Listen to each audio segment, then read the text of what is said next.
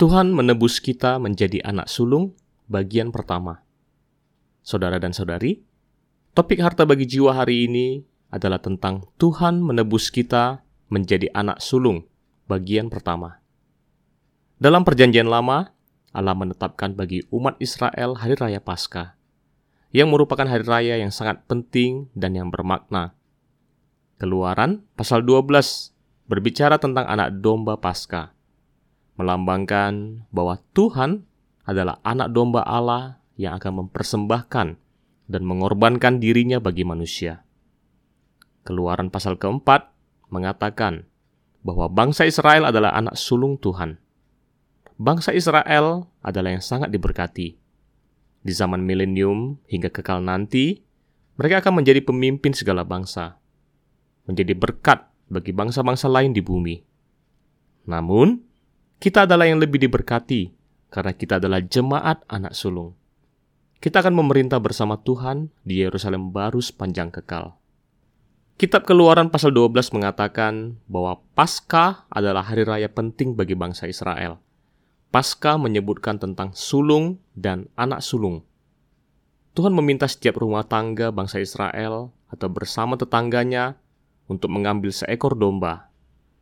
Anak dombamu itu harus jantan, tidak bercela, berumur setahun, kamu boleh ambil domba atau kambing.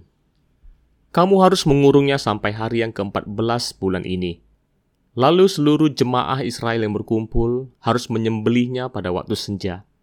Kemudian dari darahnya haruslah diambil sedikit dan dibubuhkan pada kedua tiang pintu dan pada ambang atas, pada rumah-rumah di mana orang memakannya. Keluaran 12 ayat 5 sampai 7.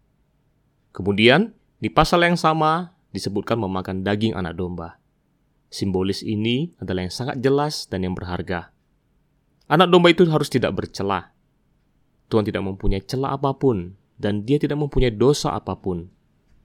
Pada masa puncaknya, dia mati bagi kita. Tuhan mati untuk kita pada hari raya Paskah.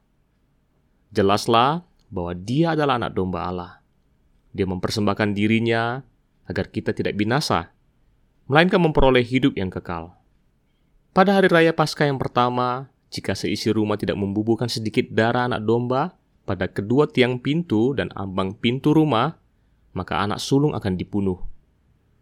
Sebab pada malam itu, aku akan menjalani tanah Mesir dan semua anak sulung, dari anak manusia sampai anak binatang, akan kubunuh, dan kepada semua Allah di Mesir akan kujatuhkan hukuman. Akulah Tuhan. Dan darah itu menjadi tanda bagimu pada rumah-rumah di mana kamu tinggal. Apabila aku melihat darah itu, maka aku akan lewat daripada kamu. Jadi, tidak akan ada tulah kemusnahan di tengah-tengah kamu. Apabila aku menghukum tanah Mesir.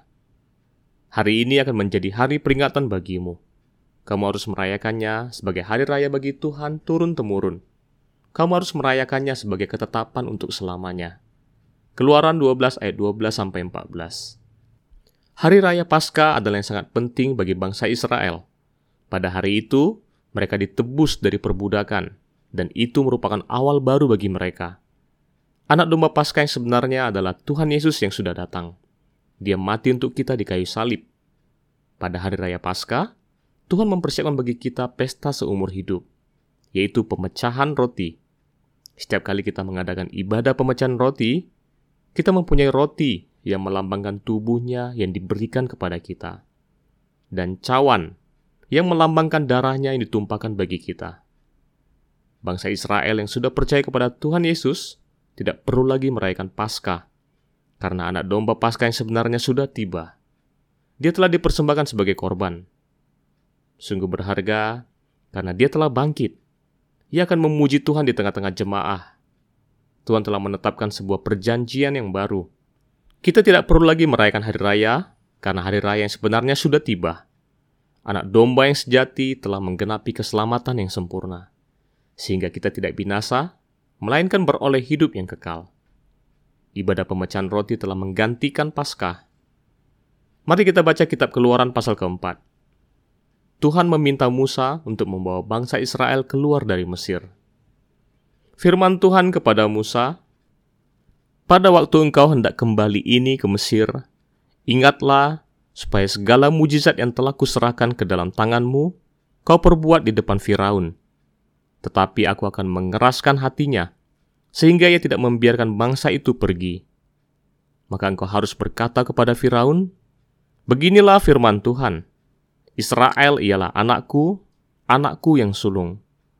Sebab itu aku berfirman kepadamu, biarkanlah anakku itu pergi, supaya ia beribadah kepadaku. Tetapi jika engkau menolak membiarkannya pergi, maka aku akan membunuh anakmu, anakmu yang sulung. Keluaran 4 ayat 21 sampai 23.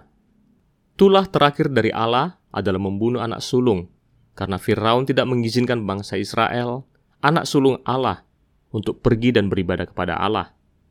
Firaun ingin menjadikan mereka sebagai budaknya. Allah akan menangani musuh-musuh mereka dan membebaskan bangsa Israel. Di bumi ini, bangsa Israel adalah anak sulung Allah.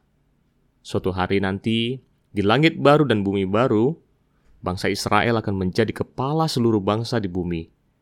Mereka akan dapat menikmati perjanjian baru di zaman milenium dan akan menjadi kepala atas segala bangsa. Karena mereka adalah yang dipilih oleh Tuhan. Seharusnya lah bangsa Israel menjadi yang paling diberkati di muka bumi ini.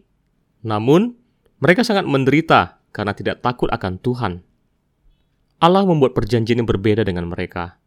Allah memilih bagi mereka tanah kanaan yang berlimpah. Allah mempercayakan kepada mereka firman-Nya yang kudus. Ada juga banyak nabi di antara mereka. Mereka secara khusus diberkati oleh Allah. Bangsa Israel adalah anak sulung Allah. Di zaman milenium nanti, mereka akan menjadi pemimpin banyak bangsa. Bait suci juga akan dibangun kembali, dan banyak orang akan kembali ke Yerusalem.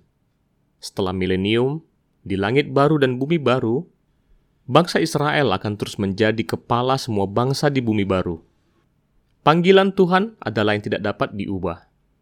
Namun kita harus mencatat bahwa meskipun bangsa Israel adalah pemimpin dari segala bangsa di zaman milenium dan di bumi yang baru, namun kita, yaitu jemaat, akan memerintah sebagai raja seluruh alam semesta bersama Tuhan. Di langit yang baru dan bumi yang baru, kita akan memerintah bersama Tuhan untuk selama-lamanya. Bangsa Israel diberkati secara khusus di bumi ini, di antara bangsa-bangsa.